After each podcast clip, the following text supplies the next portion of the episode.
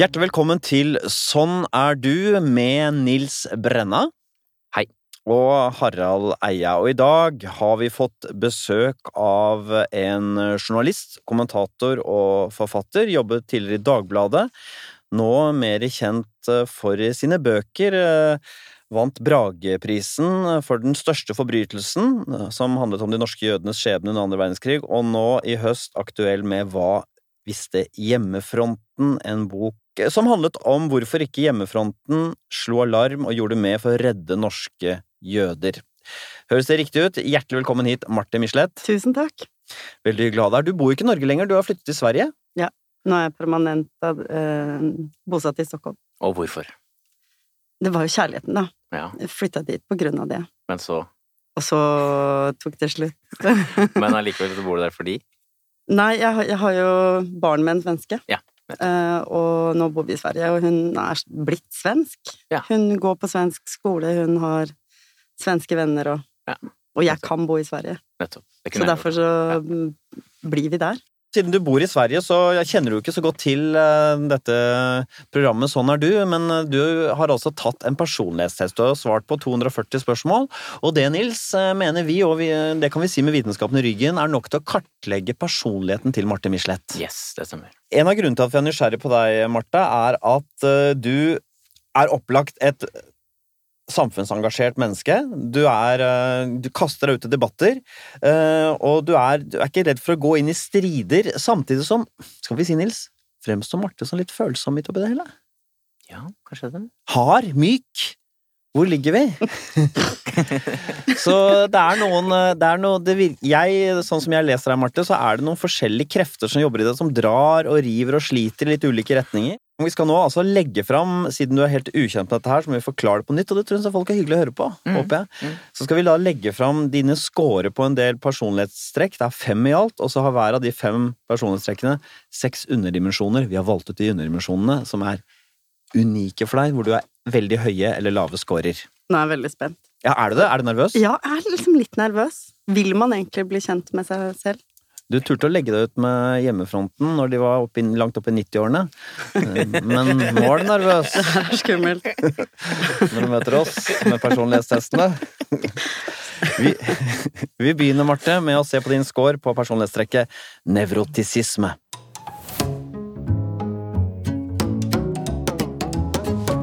Nevrotisisme, det er jo Det høres jo så stygt ut, Nils, som er et nervevrak, men det handler jo ikke om det. Det handler jo om et fininnstilt nerveapparat eh, som melder fra hvis man er redd og engstelig og urolig og stressa og sånne ting, da. Mm. Og vi begynner med den underdimensjonen under nev- nevrotisisme som heter engstelse. Tilbøyeligheten til å oppleve uro. Da kan vi ta noen eksempler på personer som scorer høyt på denne fasetten. Det er da for eksempel Lene Kongsvik Johansen, Audun Lysbakken, mye hypokondri og sånn. Og det samme faktisk om uh, Torbjørn Isaksen. Masse engstelse, særlig i forbindelse med egen sykdom. Eksempel på folk som ikke har uh, noe særlig av dette, er Åsne Seierstad og Petter Stordalen. Åsne er jo nesten så lite av det at det er farlig. Det er ikke farlig i Bagdad når det er krig. Nei. Det var interessant. Hva var det, hva var det interessante? Nei, det var slående typer. Ja. Det virker helt logisk at det fordeler seg Og sånn. så Marie Simonsen. Ikke Ikke engstelig. engstelig, nei. Nei, det er jeg helt enig i. Nettopp. Sånn opplever jeg også henne. Mm. Så hva tenker du? Er du øh, tilbøyelig til å oppleve uro? Ja. Du, er da, du har fått da tallet 66, skal bare minne om scoren. 50 er gjennomsnitt. Mhm. Og det går ikke til 100, så 66 er hva skal jeg si, høyere enn det høres ut som. 60 er et tydelig tall, så 66 er 5-6 høyeste. Mm. på I befolkningen. befolkningen. -hmm. Av 100 personer så tilhører de de fem-seks som er mest engstelige. Mm. Så Men det, var- ja, men det syns jeg passer rimelig bra. Jeg, jeg hadde nesten trodd det skulle ligge enda høyere. Ja, det hadde det. Hva er det du, Mm. Men hva er det du uroer deg for?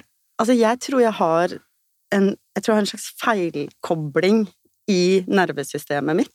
Hvordan da? Ja, men jeg, jeg tror jeg har litt for sånn aktiv fight or flight-impuls. Dette handler jo om uro for fremtiden, da, ikke sant? Eh, hva vil foregå, hva vil skje i morgen? Hva, hvordan går det med barnet mitt? Eh, hvordan går det med verden? Dette er jo den engsteliges eh, bekymringer. Mhm.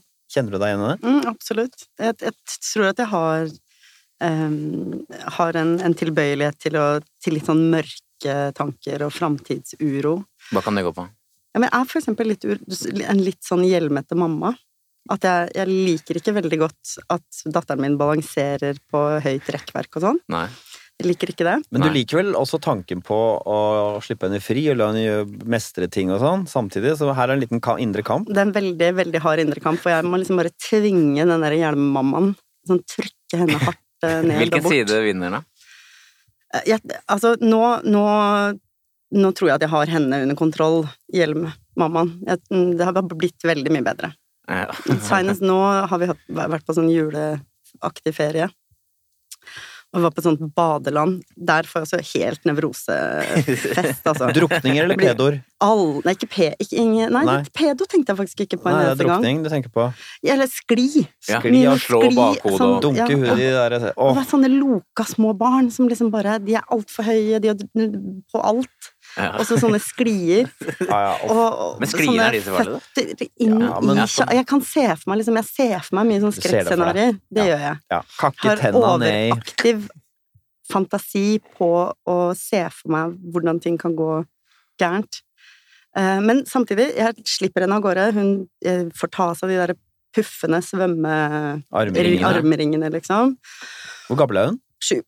Og få kaste seg liksom uti, selv om det er litt for dypt. Hun kan, hun kan svømme.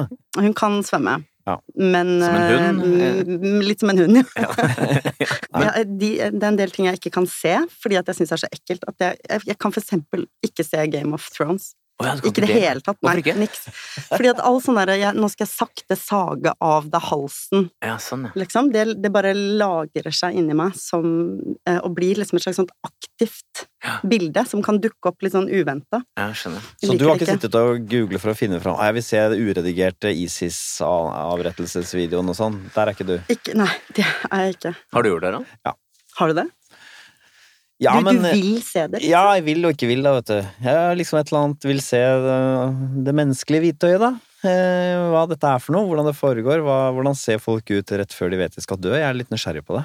Mm. Men jeg liker ikke sånn herre Bare sånn vanlig Hva heter alle de der sånn eh, Autopsy-seriene. Sånne Ja, sånn CSI hvor de skjærer opp lik og sånt. Ikke sant? Jeg, jeg, kan, jeg kan ikke se det engang. Jeg kan ikke liksom se sånn vanlig detektiv hvor noen bare Nå skal jeg i dette øyet skal jeg bare fjerne klær. annet. øyet syns jeg er ekkelt også. Ja, jeg liker ikke Altså egentlig så liker jeg ikke liksom Jeg liker ikke egentlig sener og blodårer og Nei. Det er mye med kroppen Ja. som jeg syns er liksom jeg, Til og med sånn som på, når legen har en sånn liten byste som er, har lag på lag hvor du ser innover. Som jeg, jeg må sitte selv litt sånn Og det vil si, nå holder du hånda foran henne for å forklare for jeg, må, lytterne. jeg må litt sånn pute. Ja, ja, ikke se den veien. Pute, liksom. Det er mye, jeg er litt- jeg er litt sånn, ja, sånn sett engstelig for Men er det Jeg engstelig for, mye er ekkelt. ja, er det engstelig for sykdommer selv, eller? Ikke noe særlig hypokondrisk, Bare nei. på vegne av barnet ditt, da?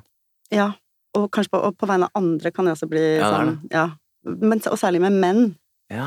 Er vi skjøre, liksom? Nei, men dere går ikke til legen. Det Ja, sånn, viser ja. liksom alle slags studier. Så du følger med liksom på svulster og alt mulig? ja, På en måte. ja. Følger, følger kjempemye med på. ja, men gjør det? Du følger litt med på sånt, eller? Ja, Nei, men jeg, jeg, jeg er nok litt masete som sier sånn Det syns jeg sånn- faktisk du skal gå og sjekke. Er det andre ting som uroer? Det, det svenske postsystemet har gått helt Åh. til hundene. Ah. Da må jeg gå altså til en sånn helt kaotisk butikk med, med mye sånn travsport og sånn spill, ikke sant? Det, er sånn alt i ett, da. Og sånn uendelige tobakkshyller og sånn, og så må du stå der med en lapp, og så er den ikke kommet, og så er det bare Ikke sant? Så det er Blir du jeg urolig av det, eller? Ja, jeg liker ikke å være der. Liker Nei. ikke å være på det stedet. Nå har det hendt at du ikke har hentet pakker pga. uroen. At det har vært så Ja. Jeg skal være ærlig og si at, eh, at eh, en julegave fra eh, slekta ble liggende der uhenta av den grunn. For en nyhet! Ja, det er ikke ofte vi har nyheter etter programmet, men nå har vi faktisk det. News alert! Så, så vet vedkommende at Ja, dette har skjedd, eller ikke har skjedd. du takker for gaven. Ja, nå Takk for gaven. det. De, ja, uff, ja. Unnskyld.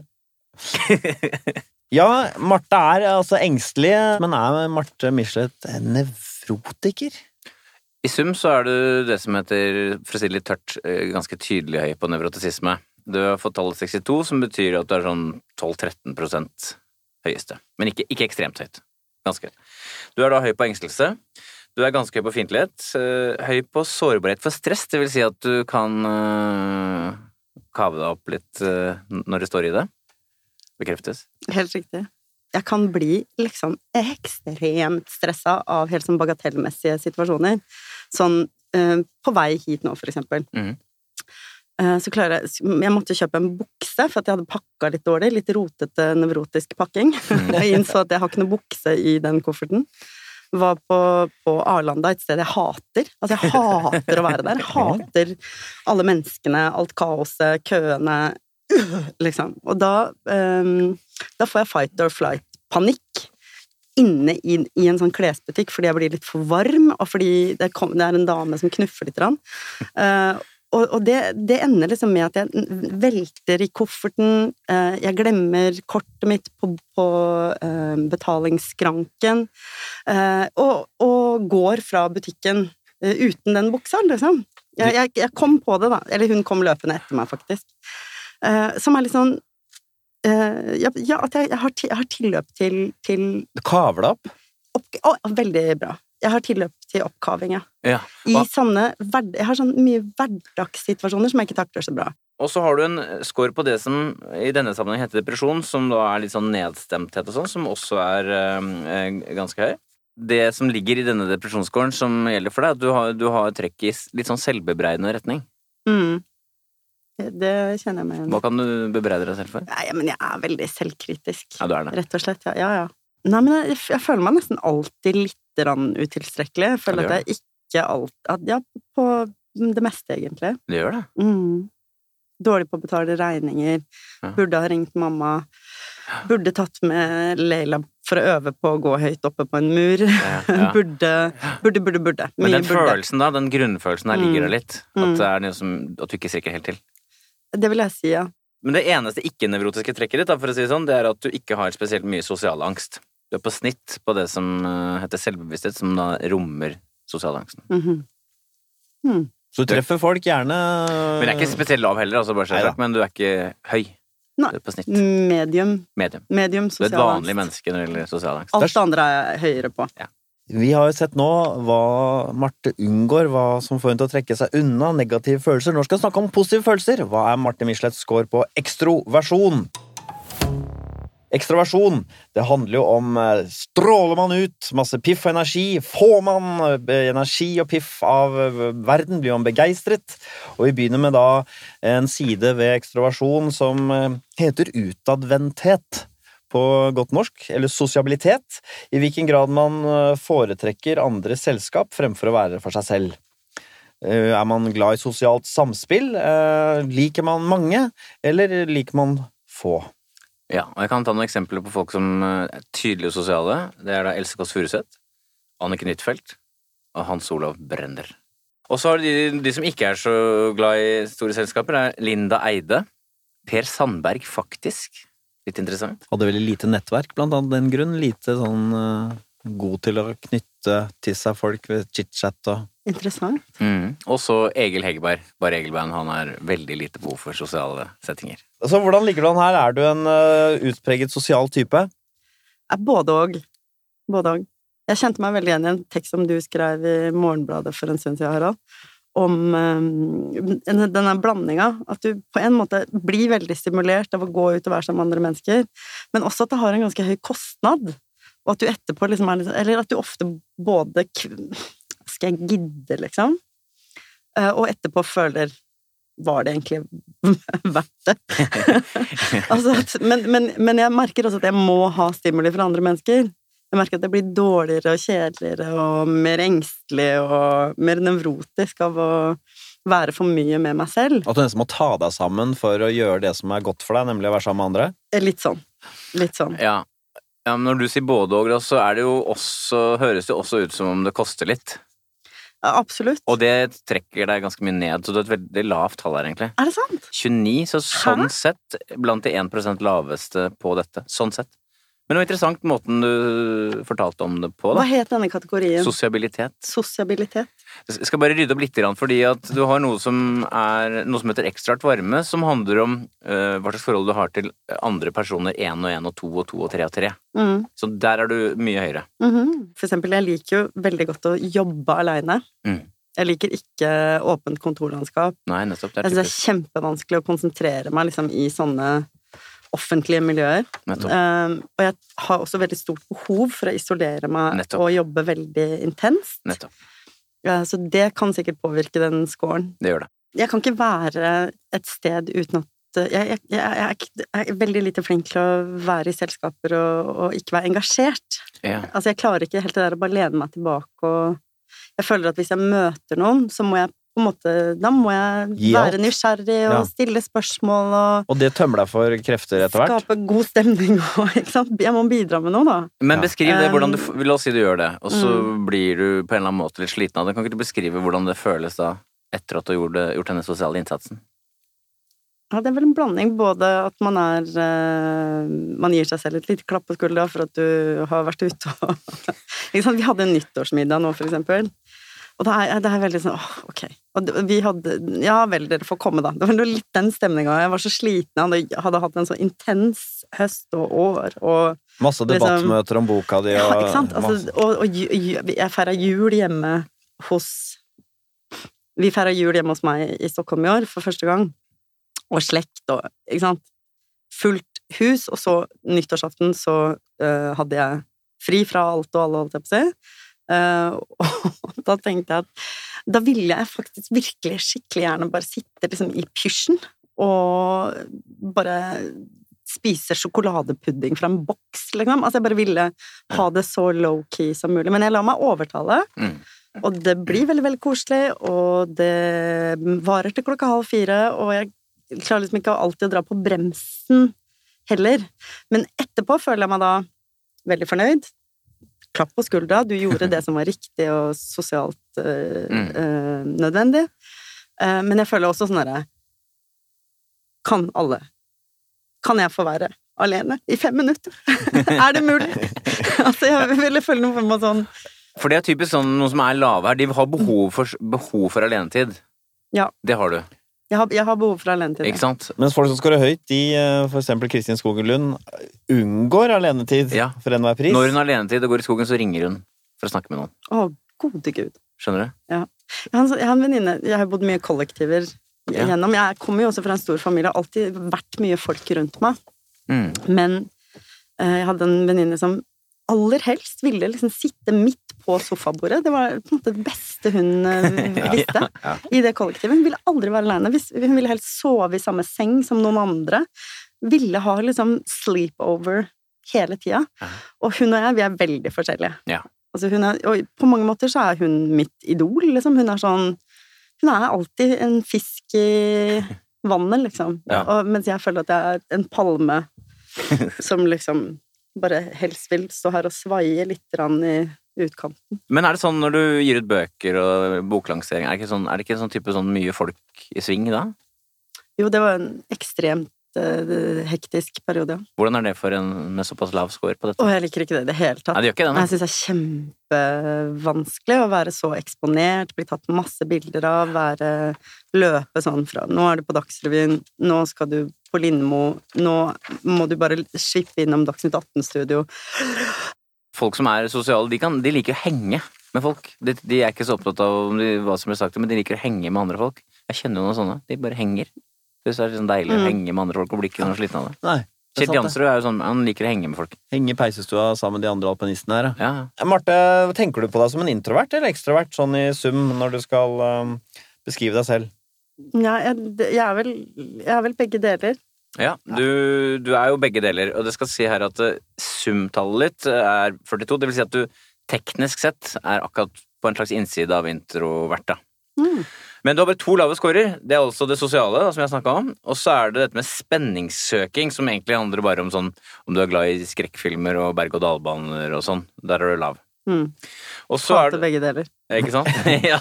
Men så er det da på snitt når det gjelder den såkalte ekstroverte varmen. Eh, og så er det også på snitt på selvmarkering. Du er jo sånn relativt uh, synlig til stede. Ikke overdrevent mye, men uh, helt på snitt. Også på aktivitet, det som er sånn type travelhet, energi og sånn, er det også på snitt. Og på positive følelser, så det er ikke noe surpomp, hvis noen skulle tro det. Det var hyggelig. Er du enig selv? Nei, det er jeg enig i. Ja. Så langt så er eh, Marte en eh, litt introvert eh, nevrotiker, så de gamle grekere ville kalt deg at du mente at du var melankolsk, men eh, Kjenner du igjen i det, eller? Ja, Det, er bedre. Det, det, det verste jeg vet, er jo flegmatikere. Ja, nettopp. Unevrotiske og innadvendte. Det er jo Tore og Steinar Sagen, for eksempel, er flegmatikere. Oi, oi. Ja, men jeg liker jo dem, da. Ikke sant? Så ikke godt å få nyansert litt. Godt å få nyansert litt. Så eh, når man kaster seg ut i sånne prosjekter som eh, Marte gjør, så har jeg en mistanke om at man må ha en spesiell score på neste personlighetstrekk, men la oss se, da. Hvordan ligger Marte Michelet an på åpenhet for erfaringer? Åpenhet eh, for erfaringer, det handler da om eh, nysgjerrighet på det som er nytt. Nye erfaringer, ny kunnskap. Er det spennende med det som er nytt, eller eh, liker man seg best med det gamle og kjente og kjære. Og vi begynner på en underdimensjon her. Åpenhet for ideer. Det er mer en sånn intellektuell nysgjerrighet på, på teorier, ikke sant? Litt sånn abstrakte ideer. Um, og de som scorer høyt da, de har litt sånn um, liker å diskutere teorier og kanskje ukonvensjonelle ideer, speisa ting og sånn. De som scorer lavt, de er mer konkrete. Uh, er ikke akkurat sånn veldig nysgjerrige på alle mulige slags teorier. Og vi har noen eksempler her, Nils. De som scorer høyt på åpnet for ideer. Ja, det er for eksempel Kristin Skogelund. Det er Kjetil Jansrud, alpinisten, eh, og Tore Sagen. Diskuterer gjerne ideologier og Mhm. Men så har du da de som scorer lavt. Der har vi Steinar Sagen. Han er ikke så veldig intellektuelt dratt. Og så har vi da Elskås Furuseth og Fredrik Skavlan. Ja, så hva, hvordan eh, ligger du an? Er du et uh, intellektuelt nysgjerrig menneske? Altså, det håper jeg da virkelig at jeg er. Du er det. vi må bare legge vekt på det. Ja, ja, å, ja. Vi rangerer ikke, Marte. Nei, Det er ikke noe som er bra. Vi sorterer bare. jeg forstår. Men det er i hvert fall en egen Du verdi for meg. Du kan få lov til det, men vi er Ja. veldig opptatt av det. Ja. Ja, Vi alle- sorterer, ikke rangerer. Nei, som svenskene sier. Alle olika, men alle like mye värde. Åh. Ja, det er riktig. ja. Ditt håp eh, slår inn her. Eh, Du er høy. Ganske høy. Du er eh, 59. Tydelig høy på intellektuell nysgjerrighet. Gratulerer. Takk. Syns du det er spennende å diskutere, eller leser du en artikkel eh, på nettavisene hvis det står noe nytt om Big Bang, for eksempel? Hvordan universet ble til? Sånt liker jeg. Ja. Jeg er ikke noe god på, på naturfagene.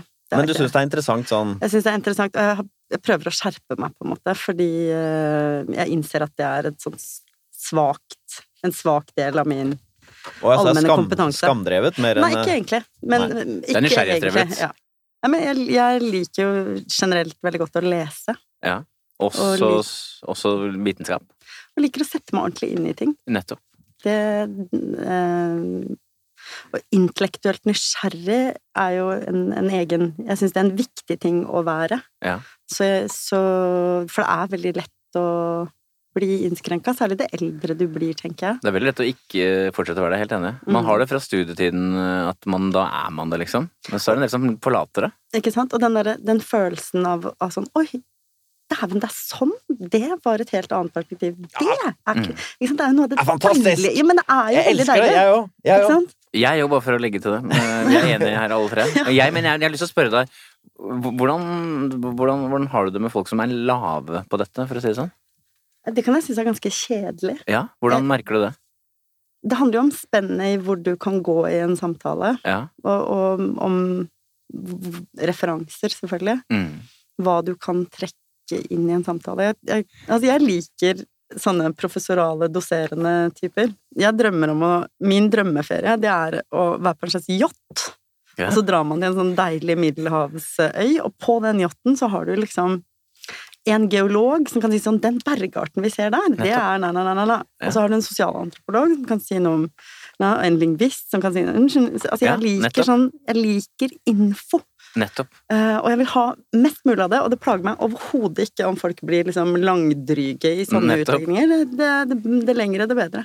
Men uh, det må ha vært en fordel å være sånn eh, såpass åpen for ideer uh, når du har gitt deg i kast med norsk krigshistorie, hvor det, er, det kryr av fagfolk som allerede er store autoriteter, så da vet du her må du gjøre leksa di godt for å kunne hevde deg, for ikke å bli gjort til latter.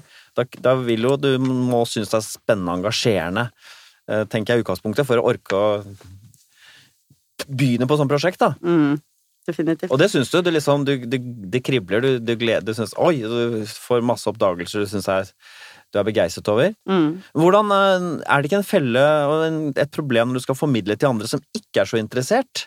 Fordi du selv Hør på meg, dette er jo kjempespennende! Og så, ja vel, det må være en utfordring. Det er det som er fordelen med å skrive bok, da. Da kan du være veldig eh, langtekkelig. Men, Ja. men tenker du på det når du skriver bok, at du må ta det litt ned, sånn som Harald sier? eller? Absolutt. Jeg Ja. vil jo veldig gjerne når jeg skriver være, at leserne skal henge med, at de skal fortsette å lese. Mm. Eh, Men fordelen med bok er at du kan breie deg. Du kan Men du er veldig god til å bygge opp spenning, da. Ja, Takk for det. Ja, det syns jeg. God til å beskrive scener og god til å Fordi det var derfor jeg tenkte at du ligger ikke under for den lasten som folk som ofte er eh, intellektuelt nysgjerrige, eh, ligger under for, nemlig at de tror at alt er spennende bare fordi de selv syns det er spennende. Du, du presenterer det på en fiffig måte. Det er annerledes når jeg snakker, fordi jeg, jeg, mm, jeg er blitt veldig dårlig Det er kanskje en av grunnene til at jeg scorer lavt på sosialitet også, er at jeg har blitt så enspora. At jeg snakker så mye om krigen. Og at hvis noen sier liksom Det er sånn legge på en femøring, og så er jeg den kjedelige, kjedelige personen som bare ikke klarer å stoppe, liksom. Du brukte til og med femøring, en valutaenhet fra krigens dager. eh. Den sluttet i 1982, faktisk. Ja, var det det? Ja, såpass, ja. Ikke Men under krigen var den jo verdt oh, minst tolv kroner. Ja. Nei, men, men den, det å være den monomane Ja. eh, eh, sånn Å sitte og forklare for folk mens jeg egentlig ser at de dør litt i øynene, liksom. Du ser at de sommer ut når du begynner å forklare nøyaktig hvem Arvid Brodersen var. Så, å, men jeg klarer ikke å slutte.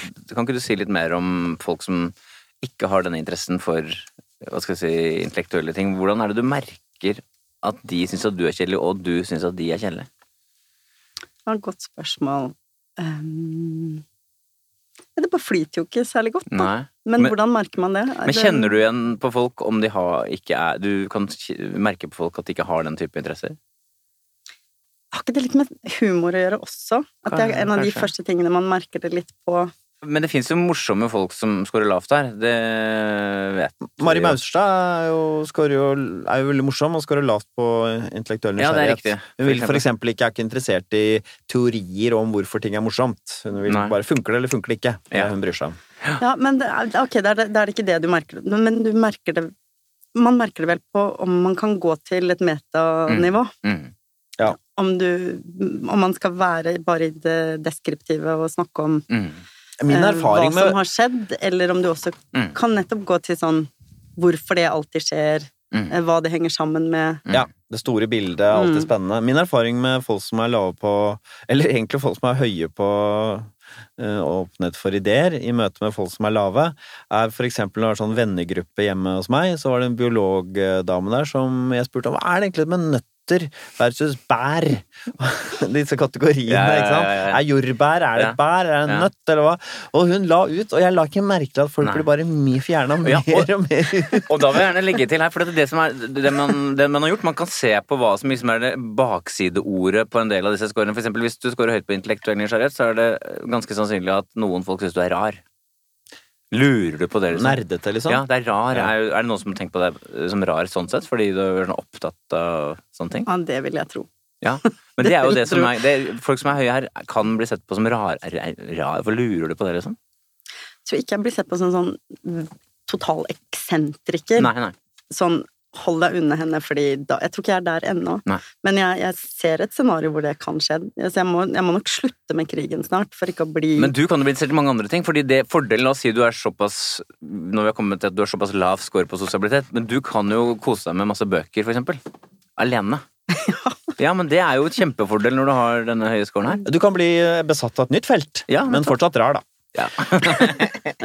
Ja, Marte, åpenhet for erfaringer, det er jo kunstnernes, vitenskapsfolkenes, dette er jo poetenes eh, og de eksentriskes eh, personlighetstrekk. Og, Nils, Marte Michelet, er hun høy på åpenhet for erfaringer generelt? Du kan nesten velge litt selv, for du har fått en score som er sånn gråsonen mellom snitt og ganske høyt, 55. Eh, Du er da eh, høy på intellektuell nysgjerrighet. Du er høy på åpenhet for handlinger, vil si at du liker å gjøre og prøve nye ting. Det trekker opp. Og så er du høy på det som heter åpenhet for verdier. Det betyr kort fortalt at du er et moderne og tolerant og liberalt menneske. Men så er du da på snitt på det som heter estetikk, som fanger eh, kultur, kunst og kultur. Så er du på snitt på åpenhet for følelser. Det betyr at du er gjennomsnittlig emosjonell oppi alt. Og så er du på snitt når det gjelder fantasi, altså forestillingsevne og sånne ting. Når man har fått til eh, såpass mye som Marte tross alt har gjort, da, to bøker, trålt gjennom uh, milevis med historiske dokumenter, da kreves det vel at du scorer høyt på følgende trekk, kanskje, Nils? Vi skal nå snakke om planmessighet.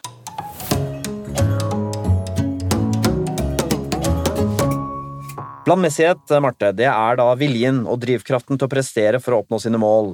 En viktig dimensjon under planmessighet er det som kalles for eh, prestasjonsstreben, altså i hvilken grad man drives av egne prestasjoner. Skårer man lavt, så eh, man ikke, har man ikke noen ambisjoner om å få til ting. Eh, skårer man høyt, så setter man seg mål, ikke sant? Har en tydelig retning. Hvordan tenker du her, hvis vi hører noen eksempler, Nils, på folk som er ambisiøse? Ja, jeg kan også legge til at det å være ambisiøs er rommet av dette trekket her. Eksempler på Høyre er såpass forskjellige personer som Siv Jensen og Bjarte Tjøstheim, men også Bård Vegar Solhjell. Ambisiøse typer, alle tre. Må tenk opp Bjarte Tjøstheim, veldig engstelig og masse nerver, men han setter opp sin egen forestilling. Den driven har han, liksom. Han vil det. Så har vi da de som ikke skårer seg ut. Det er da hans uh, makkere Steinar og Tore Sagen. Lite ambisiøse typer. Og da Egil Hegerberg, som har overhodet ingen drive fremover. Han kan gjøre det akkurat det samme som han gjør nå, i 30 år til. Ikke ønske om noe annet. Mm. Hvordan er du her? Åh, åh. Nei, men jeg er jo veldig eh, opptatt av å gjøre prosjektet ferdig, for eksempel. Fullføre? Ja, ja altså men har du noen liksom ting, jeg, men jeg skal fader meg sette agenda, jeg skal skrive den beste Nei. krigs... Nei, ikke Nei. sånn. Nei. Veldig lite konkurranseinstinkt. For eksempel, ja. Så du, har fått, du er ganske lav score her. 36. Ja. Så du er sånn sett en meget lite ambisiøs type. Ja, Det syns jeg er rart. Ja. Hva, hva, for jeg må innrømme, jeg er litt svak for sånn Norge, jeg skal, jeg skal bli den jeg skal bli, den jeg skal bli stor i USA, jeg går og tenker jeg skal, Ja, men du setter deg ikke sånne ting. Nei. Eller jeg tror, jeg tror det som er den indre konflikten i meg, det er jo eh, det moralske imperativet om at du må gjøre rett, du må kjempe for noe, du må stå for noe, du må Det må, det må alle.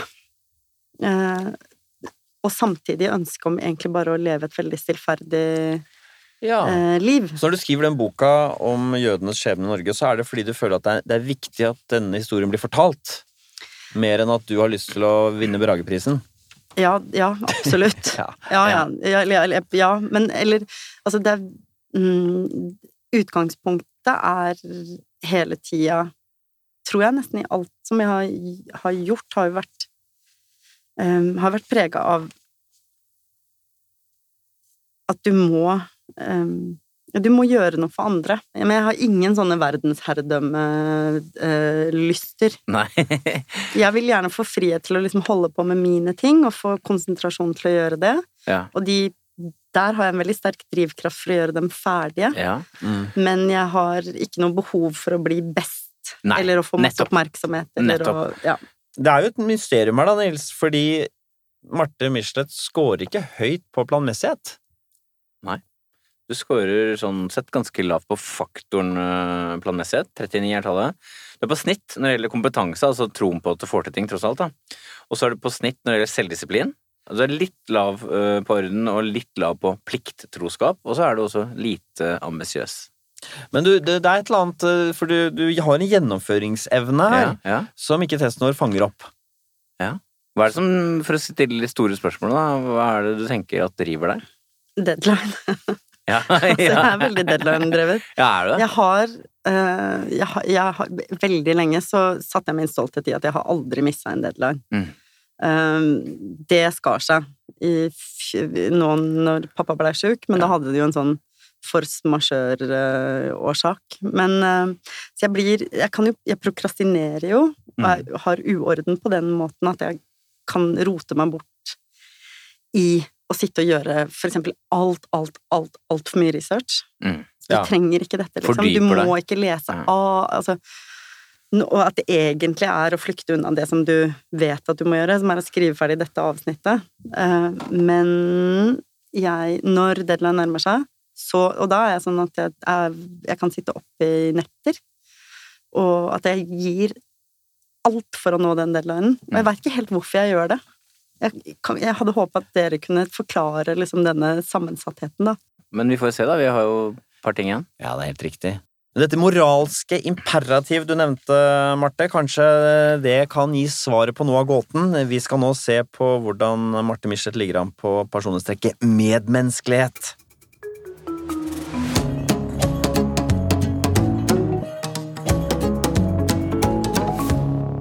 Medmenneskelighet det høres så flott ut, eh, som en, eh, en tegn på kvalitet, å være et godt menneske, men det er ikke det. Det er et personlighetstrekk, Nils. Mm. Det er jo om man da er et menneske preget av samarbeidsvilje, medfølelse og hjelpsomhet, eller om man da kanskje fremover seg selv mm, eh, fremfor andre, at man er litt kranglete. Det er motsatsen, ikke sant? Om man er prososial eller antisosial. Så vi begynner da med en underdimensjon som eh, ofte kalles for empati.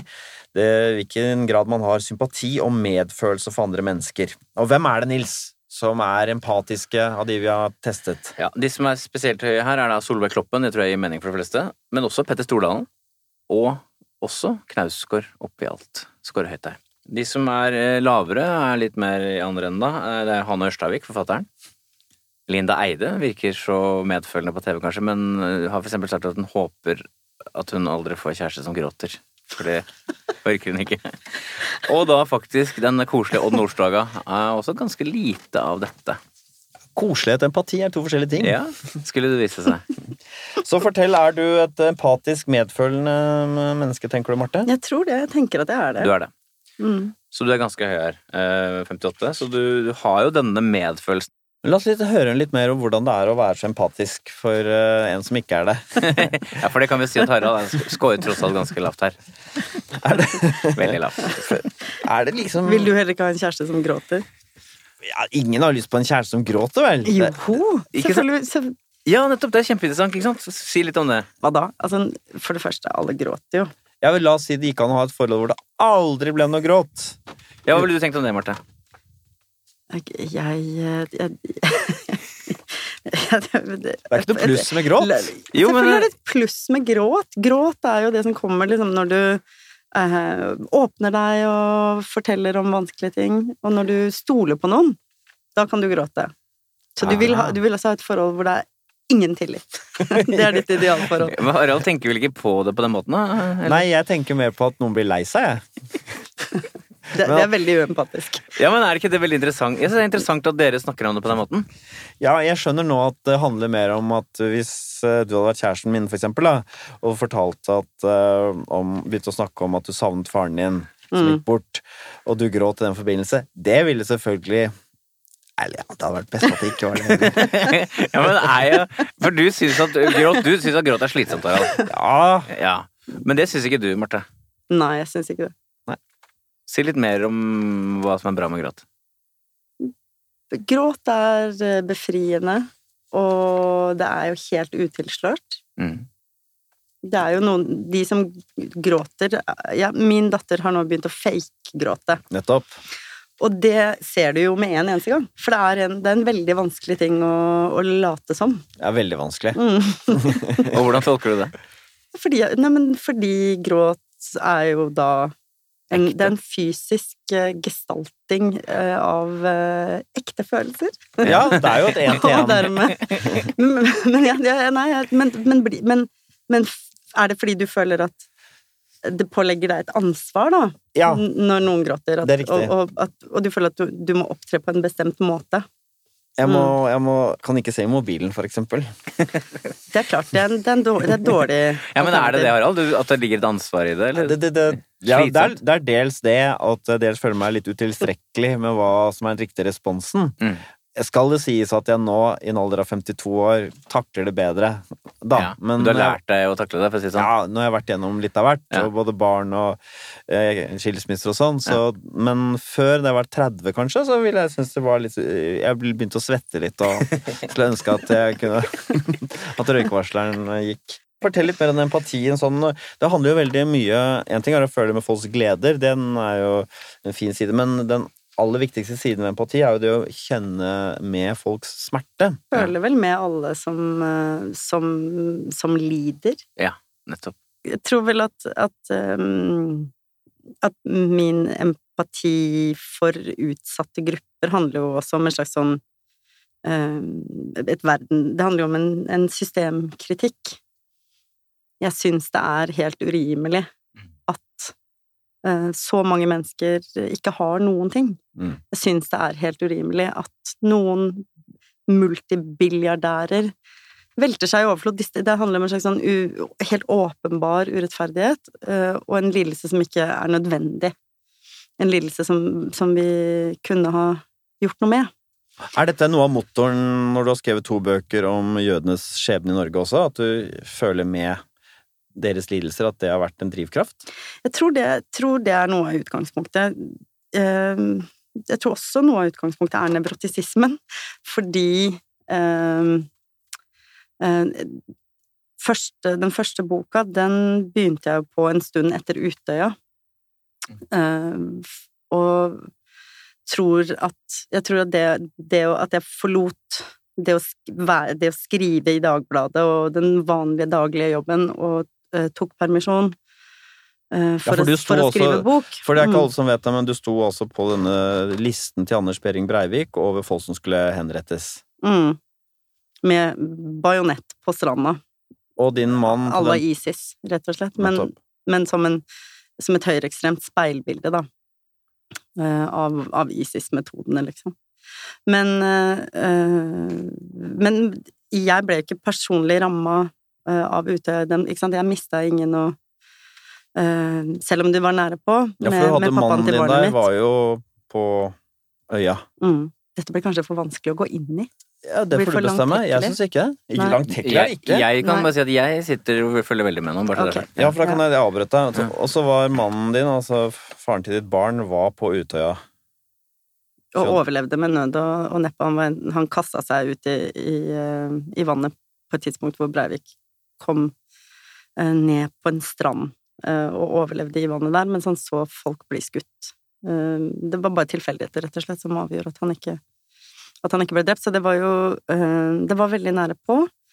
Og i tillegg så hadde da Breivik et slags sånn personlig eget hat mot meg, fordi jeg hadde vært en offentlig person som hadde vært i synlige debatter om innvandring og rasisme og så videre. Um, og, og så fikk jeg barn. Uh, og det barnet mottok også trusler fra høyreekstremister som syntes at uh, det var et, uh, et, et, et, ekkelt raseblandingsavkom. Mm. Det sa jo også Breivik første dagen i rettssaken, så nevnte han jo ett navn, og det var meg, og sa trakk fram meg som et eksempel på dette havariet vi som nasjon har begått, da. Eh, og sa Marte Michelet, som hater sitt land så mye at hun har valgt å få et berberarabisk avkom. Eh, som jo er en kategori som ikke fins. Du kan ikke være berberarab. Men, men det var liksom Det var jo ikke det verste med den uttalelsen, på en måte. Det var jo det at han rett og slett pekte ut barnet mitt som eh, som, som en ødeleggende kraft for samfunnet. Raseblandingens ja, langsiktige, destruktive konsekvenser. Eh, sånn at når jeg kom tilbake fra fødselspermisjon og kom, kom tilbake fra eh, fra å være i den bobla, så syns jeg at det var vanskelig å komme inn i, i det å være i den pågående debatten, for jeg merka at jeg hele tida var opptatt av det som hadde skjedd. Jeg var opptatt av Utøya, jeg var opptatt av de lange linjene i den rasetenkninga i Norge. Jeg var opptatt av hva, hva kommer Anders Behring Breivik fra? Og det er vel en blanding både av redsel og medfølelse Ja. eh, og engasjement, da, som til sammen blir eh, og, og også den personlige egenskapen at jeg liker research. Ja. Eh, Ja. Som gjorde at det å få skrive en bok om eh, den forrige gang høyreekstremismen fikk drept folk i Norge, eh, det føltes både liksom givende og nødvendig, og um, Og det passa med de, de følelsene av liksom angst og panikk som jeg hadde i, i kjølvannet av, av Utøya. Både på et personlig plan, men også på et slags samfunnsmessig plan. Da. Altså det, det var interessant at du øh, selv også på en måte ser de kreftene i deg selv som dytter deg i den retningen, da. At du både den der empatien, men også at du mener at det er en form for øh, engstelse eller sånn øh, At du er rystet. Det, hva tenker du, Nils? Er det høres av Marte øh, Altså, gjestene her har egentlig ikke lov til å begynne å trekke sånne linjer selv, men er du enig i Martes analyse her? ja, jeg er veldig enig, og jeg noterte faktisk mens hun eh, snakket nå, og, og så en sammenheng eh, For å slå det sammen, da. Det er en blanding av eh, alvoret i nevrotisismen. Det er eh, eh, medfølelsen i empatien, da. Og så er det da researchviljen og evnen som ligger i den høye åpenhet for ideer. Nettopp! Så der, Der har har vi vi på en det. måte oppsummert drivkraften som vi lette etter. Jeg har lyst til å sitere på dette alvoret, fordi som vår psykolog Rolf Marvin Bø Lindgren sa uh, nylig, han sa at uh, nevrot, for nevrotikere så er livet mye mer viktig og alvorlig enn for ikke-nevrotikere. Det er på en måte det du også sier litt, at det er en slags sånn viktighet som ligger i det. Det er jo interessant. Ja, For andre kunne bare føyset det bort av, Ja. som galmannstanker. eh, Du gikk liksom ordentlig inn i det. Mm. Tenkte nøye gjennom det. Mm. Jeg tror også at ikke sant, Jeg kommer jo fra en veldig politisk bakgrunn. Mm. Um, Jeg vokste jo opp delvis i Afrika, hvor mamma jobba for anti-apartheid-bevegelsen. Jeg har, jeg har, har på en måte alltid Mm. Når jeg var liten, så hadde vi et bilde av Lech Walesa, den polske Ja, ja. havnearbeiderhelten, på, på veggen som jeg trodde var pappa, fordi de også så såpass like ut. Så det har alt, jeg har jo vokst opp med veldig sånn eh, Veldig eksplisitt. Du skal være solidarisk. Du skal kjempe for noe. Du skal eh, stå for noe. Som innimellom selvfølgelig også har vært liksom plagsom. Mm. Hvorfor kan ikke jeg bare få gå og bli bibliotekar, liksom? Mm. Hvorfor må jeg føle dette Store oppdraget. Eller bare bli bibliotekar. Elsker Jo, jo. bibliotekarer. Ja, ja. Men, men, men ikke sant, den, ja, det der at du åh, mm, Mm. At det Det gjør jo at du kan orke for eksempel da å være i en sånn strid som den jeg nå har stått i, Ja. selv om jeg syns det er forferdelig ubehagelig å være uh, så synlig. Jeg liker ikke det i det hele tatt. Så, så kan man kjempe seg gjennom det, fordi det um, er det så mange andre som har gjort Nettopp. tidligere. Mm. Mm. At, at der, der, jeg tror det ligger noe der som kanskje ikke er helt uh, jeg, tror, jeg tror noe ligger der i, i det mm, oppvekstmiljøet. Mm. Um, altså begge, begge foreldrene mine har, har jo um, vært sånne ivrige, veldig engasjerte uh, do-gooders. Mm. Uh, og det, har, det er vi mata med. Og det uh, er vel veldig formativt, tenker jeg. Ikke sant? Da jeg var ni år gammel og satt sammen med eh, de ANC-mennene som foreldrene mine hang med i Lusaka, eh, som fortalte om eh, tortur og bomber, og flere av de ble jo drept. Flere av de eh, eh, forsvant jo uh, seinere. Det, det, det er klart at det liksom For en ni år gammel jente så er det veldig formativt, og da, da, da blir det vanskelig å leve i verden uten å prøve å I det lille man kan, da, Ja. lage et eller annet Trekke ting i en mer rettferdig retning. Mm. Ja, uh, Marte, vi har jo slått fast at uh, du er empatisk. eh, Det er det ikke noe tvil om. Uh, men medmenneskelighet, Nils, rommer jo mer enn det. Hva skal vi si? Er Marte et medmenneskelig menneske? Hun scorer ganske høyt på det som heter medmenneskelighet. 59, tydelig høyt. Eh, Hun er da på snitt når det gjelder rett fremhet. Litt vanskelig ord. Det, det handler om at hvis du er veldig høy, så er du sånn veldig direkte og sier ting rett ut. Og hvis du er lav, så er du litt sånn sleip. Men du er midt imellom, for å si det sånn. Du kan sikkert lure noen hvis du absolutt vil, men du driver ikke og er så veldig player heller. Og så er du da eh, Hvis noen trodde at du var spesielt kranglete, så er du ikke det. Du er på snitt når det gjelder føyelighet. Det vil si at du er ikke konfliktsky, men du er ikke spesielt konfliktoppsøkende heller. Så er du da på um, touch er høy, på det som heter tillit. Du går ikke rundt og mistror folk. Ikke i spesielt stor grad, i hvert fall. Og så er det jo da, som er et ganske vesentlig poeng her, eh, vi har vært innom det litt sånn indirekte gjennom eh, praten, Du scorer veldig høyt på det som heter beskjedenhet. Det vil si at du er veldig lite selvgod.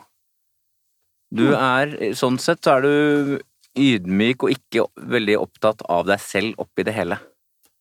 Gir det mening for deg? Det var Ja, det Jeg, jeg, jeg blir jo egentlig ganske sånn flau. Nettopp. Og det er Mm. akkurat, hvis du, når du har så høy score på det som du har, 70, 1% høyeste, så blir du nettopp ganske flau når Ja, når man, når man, av å få ros, for eksempel. For eksempel. Men jeg, ser det jeg som er veldig lav, elsker det. Ja, for det var derfor ikke Marte sa ja, er det noe jeg har, så er det beskjeden. Det har jeg alltid vært. Og det er en av mine fremste Ja, og så er jo da, når du, så er jo dette engasjementet er jo da også da sånn sett på vegne av andre, ikke for å hva skal jeg si, eh, fremme ditt eget ego, for å si det på den måten. Så det er jo Ja, nå du bare nikker du. Du må ta imot dette her, da. så nå fryser jeg liksom Nå kom du nå, ja, nå, nå, Jeg liker det- mye bedre å snakke om alle mine dårlige egenskaper Ja, enn en min ubeskjedenhet. Så i begynnelsen da vi Eller beskjedenhet. Enn din Eh, beskjedenhet. Unnskyld, enn min beskjedenhet. Nettopp. Så da vi i begynnelsen fisket fram dette selvbebreidende trekket som noe nevrotisk, så kan det godt hende, Nils, at vi faktisk egentlig, øh, og du også, Marte, snakket om din beskjedenhet. Ja, det ligger jo kanskje litt over, men det er strengt tatt to forskjellige ting, da. Ja da, men at den Mm. kan dytte deg i samme Fine, retning. de er, to, de er fine, de to sammen. Hvem er de mest ubeskjedne dere har hatt? Det der hadde du ikke noen uh... Jo, det kan jeg si. Det er Fredrik Skavlan, Christian Ringnes, Andal Torp. Fornøyd med det de har fått til, og hva de gjør, og fortell gjerne om det. Right. Are Kalve og Anniken Huitfeldt, øh, også beskjedne typer. Ja. Um, når du går bak scenen og møter Are Kalve etter fulle hus, akkurat som Han, han, han, han klarer ikke å forholde seg til det. Han ønsker ikke ros heller. Anniken Huitfeldt også er jo veldig sånn Hun er ikke drevet på det. Hun, er ikke, hun er snakker mye og er uredd. Usjenert, men beskjeden. Hun er hun, faktisk. Vel da, Marte, da har vi gått gjennom eh, de viktigste scorene dine på fem personlighetstrekk og deres underdimensjoner, men eh, på tide å samle tråden nå, Nils. Hvem er da dette mysteriet Marte Michelet? Ja, Marte, det, vi hadde jo en sånn eh, utgangsmysterium her, at eh, du er Du får til så mye, du står på samtidig som og er så medfølende, samtidig som det akkurat som det er noe plaget over deg, og vi har vel også kunnet finne noe av dette her. Ja. Eh, Men det var jo imponerende at du på oppløpssiden da klarte å trekke sammen trådene og finne de vektorene, disse kreftene som til sammen utgjør det pilen som er Marte Michelet, da. Mm. Og Nils, kan ikke du prøve deg på en, eh, re, en oppsummering av det Marte sa? Ja, jeg kan prøve på det. Uh, I hovedsak så består det av tre hovedkrefter, sånn som uh, Marte og vi ser det. Det er da alvoret fra nevrotisismen. Nevrotikere syns at livet er alvorligere og viktigere enn det ikke-nevrotikere syns. Flirer ikke av livet. Ikke sant? Og så har du da denne empatien og, og, og lysten til å hjelpe andre mennesker, som er en egen drivkraft. Det moralske imperativet. Ikke sant? Og så har du da den litt lettere tingen, men som er supernyttig når du skal holde på med sånn, eh, researchviljen og evnen. Den Så- høye scoren på intellektuell nysgjerrighet, altså på ideer. Spennende med kunnskap. Selv om vi, den der rotekopp-biten vi avdekket, den er litt mystisk, og den ja, men hvis du er så glad i å lese og holde på, så er det på en måte ikke så farlig om det er litt rotete hjemme. Eller hør. Ikke sant? Marte, du gruta litt eh, før vi skulle dykke ned i sjelen din. Eh, Nå etterpå, er det noe du gjerne ville ha forandret? Hvis du fikk lov? I testen, mener du? I deg Nei, i deg selv. For jeg har en del ting jeg gjerne vil Ja. forandre. I meg selv. Altså, jo, men jeg mener eh, ja, ja, ja, massevis. Hva da? Skulle gjerne Jeg skulle jo gjerne vært uh, mer eh, Ja, men jeg skulle gjerne vært mindre uh, engstelig. Mm. Mm, skulle gjerne hatt Eller den tingen jeg mest av alt skulle ønske at jeg kunne forandre, var jo rutine. Ja, Å, å få litt mer liksom system. fast, En kalender du kunne forholde deg til. Fast opplegg. ja, ikke sant? Og, og, og, og det merker jeg særlig når jeg har passert 40, at mye av det som jeg før bare kunne ta på sparket, krever, det krever liksom litt mer planlegging. Du må ha med deg litt mer greier i den kofferten. Du må, du man, Og barn. Og liksom, man må ha litt mer grep. Så det er det jeg, jeg jobber med. Jeg driver og ser på et sånt selvforbedringsprogram Å, med en japansk dame som heter uh, Hva heter hun da? Yoko Ono. Yoko Ono. Selvforbedring med Yoko Ono. Det er hun som har de ryddetingene. Bare kast de tingene du ikke elsker og sånn. Ki Mono? Eller Noe Nei, hun sånt. heter jo selvfølgelig ikke det. Dette nei, er annet. krenkende. Det er litt Nei, krenkende. ja, det er litt krenkende. Altså, det er en japansamme. Hun heter kimono. Var det? Ja. Det er helt utrolig krenkende. Ja, men det hadde vært verre hvis du sa Hongkong sushi. Ja, det hadde vært mer krenkende. mitt selvforbedringsprosjekt i 2019, det er å, å bli litt mer grepa og rutineprega. Så har jeg slutta å røyke. Eh, Så jeg driver liksom kontinuerlig med noen sånne Kom igjen, da. Så mindre engstelig og mer systematisk. Det er det du skulle ønske deg? Ja, det skulle jeg ønske meg. Hvordan syns du at vi traff i analysen til slutt? Ganske dårlig. Nei, Punkeren i deg som snakka nå. så dårlig testa, altså. Men det ble jo, ble jo ganske fint eh, oppsummert på slutten her. Jeg, sy jeg syns eh, det, var- det var kjempeinteressant. Og mm, det er jo, er jo egentlig ganske deilig følelse at mm, mye av det jeg hadde trodd at sånn er jeg, eh, stemmer overens. Du har god kontakt med deg sjøl, Marte. Ja, takk for det. Griner mye, vet du. Ja, det gjør det. Å, den grininga. Takk for at du kom. Takk for at jeg fikk være med.